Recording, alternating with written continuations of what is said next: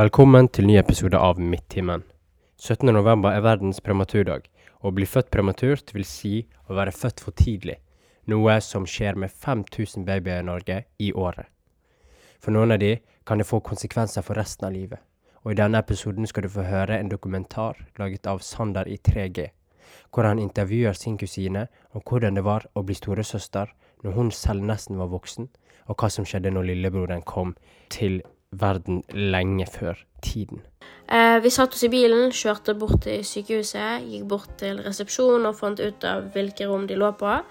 Eh, og jeg husker veldig godt når vi kom opp på tredje etasje eh, og så døren til rommet nummer 110, eh, der de skulle være, fikk jeg helt panikken i meg. Eh, for det var da jeg følte at her er det noe viktig som har skjedd. Eh, en hendelse som har skjedd i familien min, og jeg har ikke brydd meg i det hele tatt når jeg burde bry meg.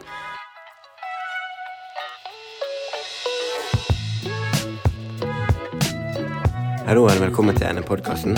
Jeg heter Sander, og i dag er jeg her med verdens beste kusine, Malin. Kan du introdusere deg litt? Eh, ja, så hei, jeg heter Malin. Jeg er 22 år gammel, bor i Stavanger.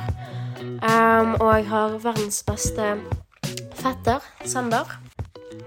Og i dag skal vi snakke om når din lillebror ble født, og hvor uforglemmelig historie dette ble for hele familien. Men før vi kommer mer inn på dette temaet, så skal vi ha noen kjappe spørsmål med kusinen min, sånn at dere får bli litt mer bedre kjent med henne. Første spørsmål det er hva gjør du på fritiden din? Eh, så eh, jeg er da nyutdannet sykepleier, så jobber ganske mye akkurat nå. Um, ellers så elsker jeg å reise verden rundt. Har du noen favorittsteder? Um, jeg var nylig i Italia, og jeg, eh, ja, det var utrolig fint der. Så jeg tror det er, det er favorittstedet mitt Ja. akkurat nå. Ja, spennende. Hva er din største frykt? Min største frykt det må da være edderkopper. De er så Kan ikke si stygge, men de har så masse bein, og de er så skumle. og ja, Edderkopper. Ja, jeg også er ikke noe glad i edderkopper, så jeg er veldig glad for at eh, vi ikke bor i Australia, der som det er så mange edderkopper. Ja. Eh, neste spørsmål er hva er ditt stolteste øyeblikk? Um, har ikke akkurat ett øyeblikk, men hver dag er jeg stolt av meg sjøl. Nå som jeg er sykepleier, så hjelper jo jeg masse folk. Um, gjør en tjeneste for landet. Så veldig stolt av det. Mm, ja, Å være sykepleier det er jo veldig stort yrke og veldig viktig yrke. Um, hvilken person ser du opp til? Uh, det må da være farmoren vår, siden hun er jo alltid så blid og glad. Vi alle elsker henne så høyt. Ja, ja, hun er en veldig fin person. Altså, siste spørsmål. Vi vet jo at, uh, jeg vet jo at du har hatt veldig mange kjærester. Så hvem var ditt uh, første crush? Nei, det er en veldig lang historie, men jeg tror det er nok han eh, Kristoffer fra ungdomsskolen. Han var veldig kjekk. Han, han sitter fast i hodet mitt til dagen i dag, han. Ok, Over til godsakene. Kan ikke du fortelle eh, hvordan det hele startet med eh, lillebroren din? Um, tenker jeg er da nødt til å gå helt tilbake til eh, dagen vi fikk vite at mamma er gravid. Eller dagen jeg fikk vite at mamma er gravid.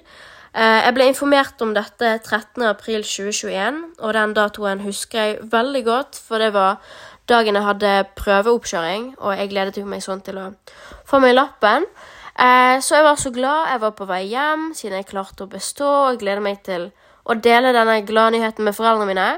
Eh, da visste jeg ikke ennå at hele dagen min kom til å bli snudd opp ned på hodet. Jeg kom hjem, fortalte de om hvor bra det gikk, og så sa de at de har òg noe å fortelle meg. Eh, de var veldig alvorlige. De hadde ikke engang begynt å snakke, og mamma begynte å grine, og da sa pappa rett ut at mamma er gravid. Eh, det kom så brått på meg, og jeg forsto absolutt ingenting.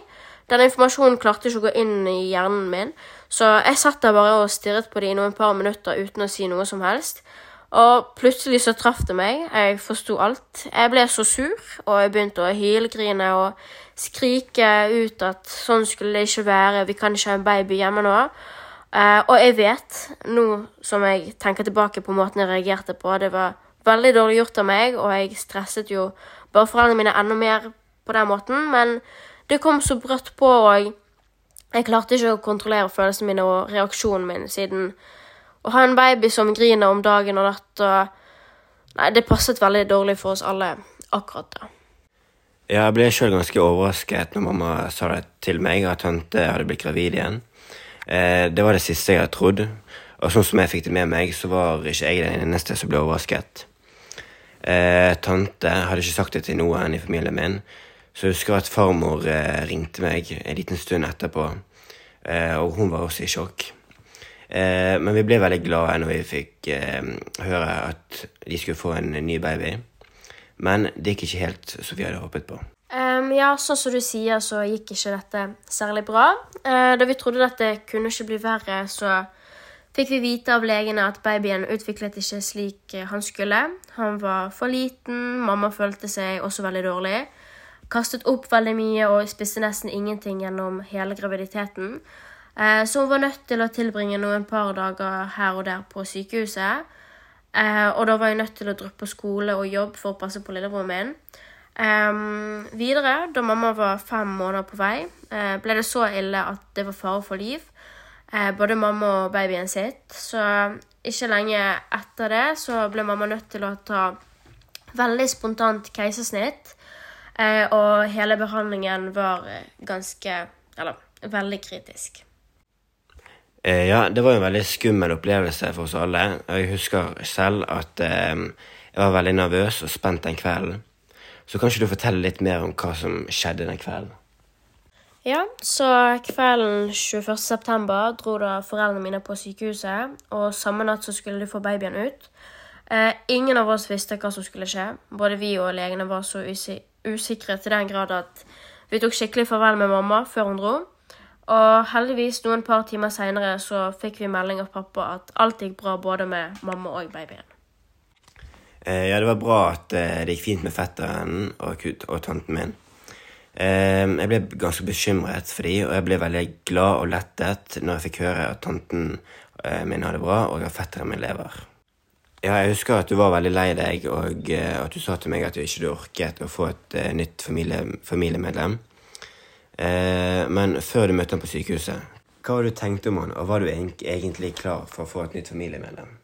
Eh, ja, den eh, lille gutten, babyen vår som vi kalte det, Kasper, var i kritisk tilstand. Eh, jeg brydde meg, for å være helt ærlig, ikke noe særlig om det. Jeg var bare glad for at det gikk fint med mamma. Eh, generelt, hele den situasjonen virket så urealistisk for meg. Jeg eh, følte Jeg var med i en film, og alt dette var egentlig ikke virkelig, virkeligheten. Eh, for de siste fem månedene var så rare og tunge, og absolutt ingenting var normalt. Eh, jeg tenkte ikke at babyen er min nye lillebror, bare et vesen som har skapt masse problemer. Eh, meg og lillebroren min vi fikk jo ikke lov til å dra på sykehuset og besøke han engang, så det er jo vanskelig å bli glad i en du har aldri møtt før. Um, vi fikk ikke lov å dra dit pga. han var i kritisk tilstand. Eh, så vi måtte være veldig forsiktige med tanke på bakterier og all slags mulig sikkerhet. Ja, jeg skjønner det veldig godt. Men eh, hva med den dagen du endelig fikk møte ham på sykehuset? Eh, hvordan var det, og eh, hvorfor var det så spesielt øyeblikk for deg? Ja, så 13 dager seinere så fikk vi da beskjed fra legene at han kom ikke til å klare seg siden han fikk en infeksjon i magen, og da fikk vi endelig lov å komme og se mamma og samtidig ta farvel med babyen vi aldri fikk bli kjent med. Eh, vi satt oss i bilen, kjørte bort til sykehuset, gikk bort til resepsjonen og fant ut av hvilke rom de lå på. Eh, og jeg husker veldig godt når vi kom opp på tredje etasje eh, og så døren til rommet nummer 110, eh, der de skulle være, fikk jeg helt panikken i meg. For det var da jeg følte at her er det noe viktig som har skjedd. En hendelse som har skjedd i familien min, og jeg har ikke brydd meg i det hele tatt når jeg burde bry meg.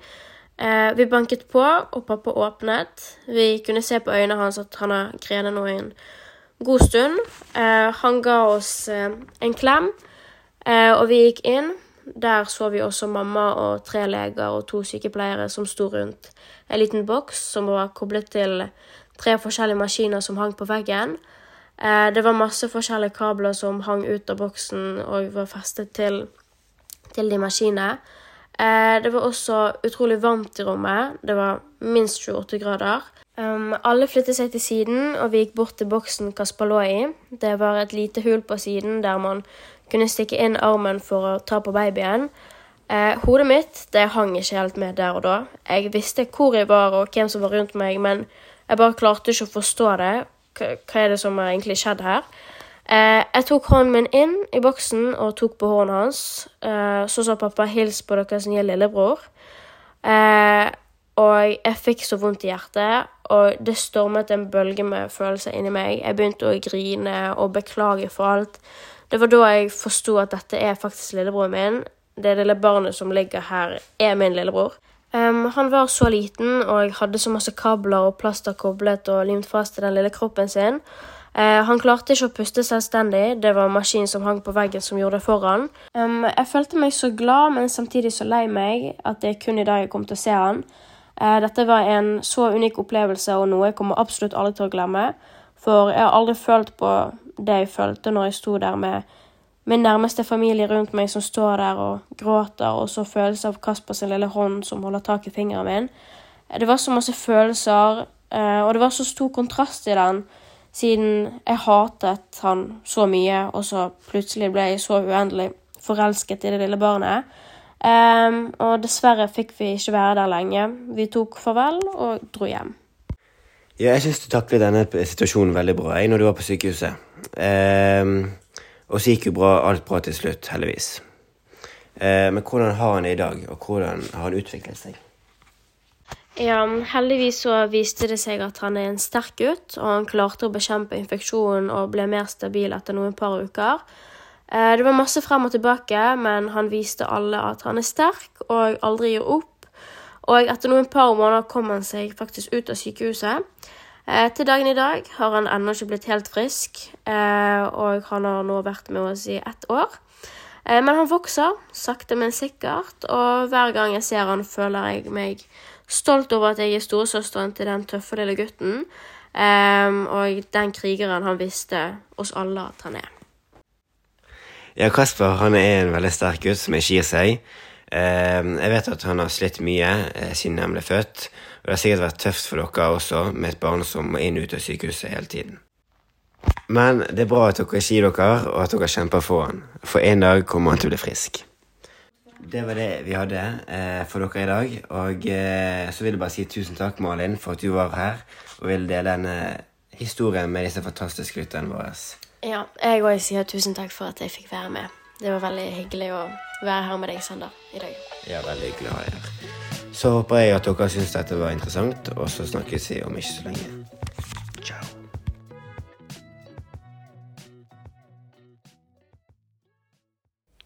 Takk for at du lyttet til denne episoden. Husk å abonnere på kanalen vår for å få med deg neste episode. Og hvis du er en elev ved Danielsen og har laget en interessant, spennende eller morsom podkast, så vil vi gjerne høre fra deg send oss en melding på Instagram mediefag-dvs.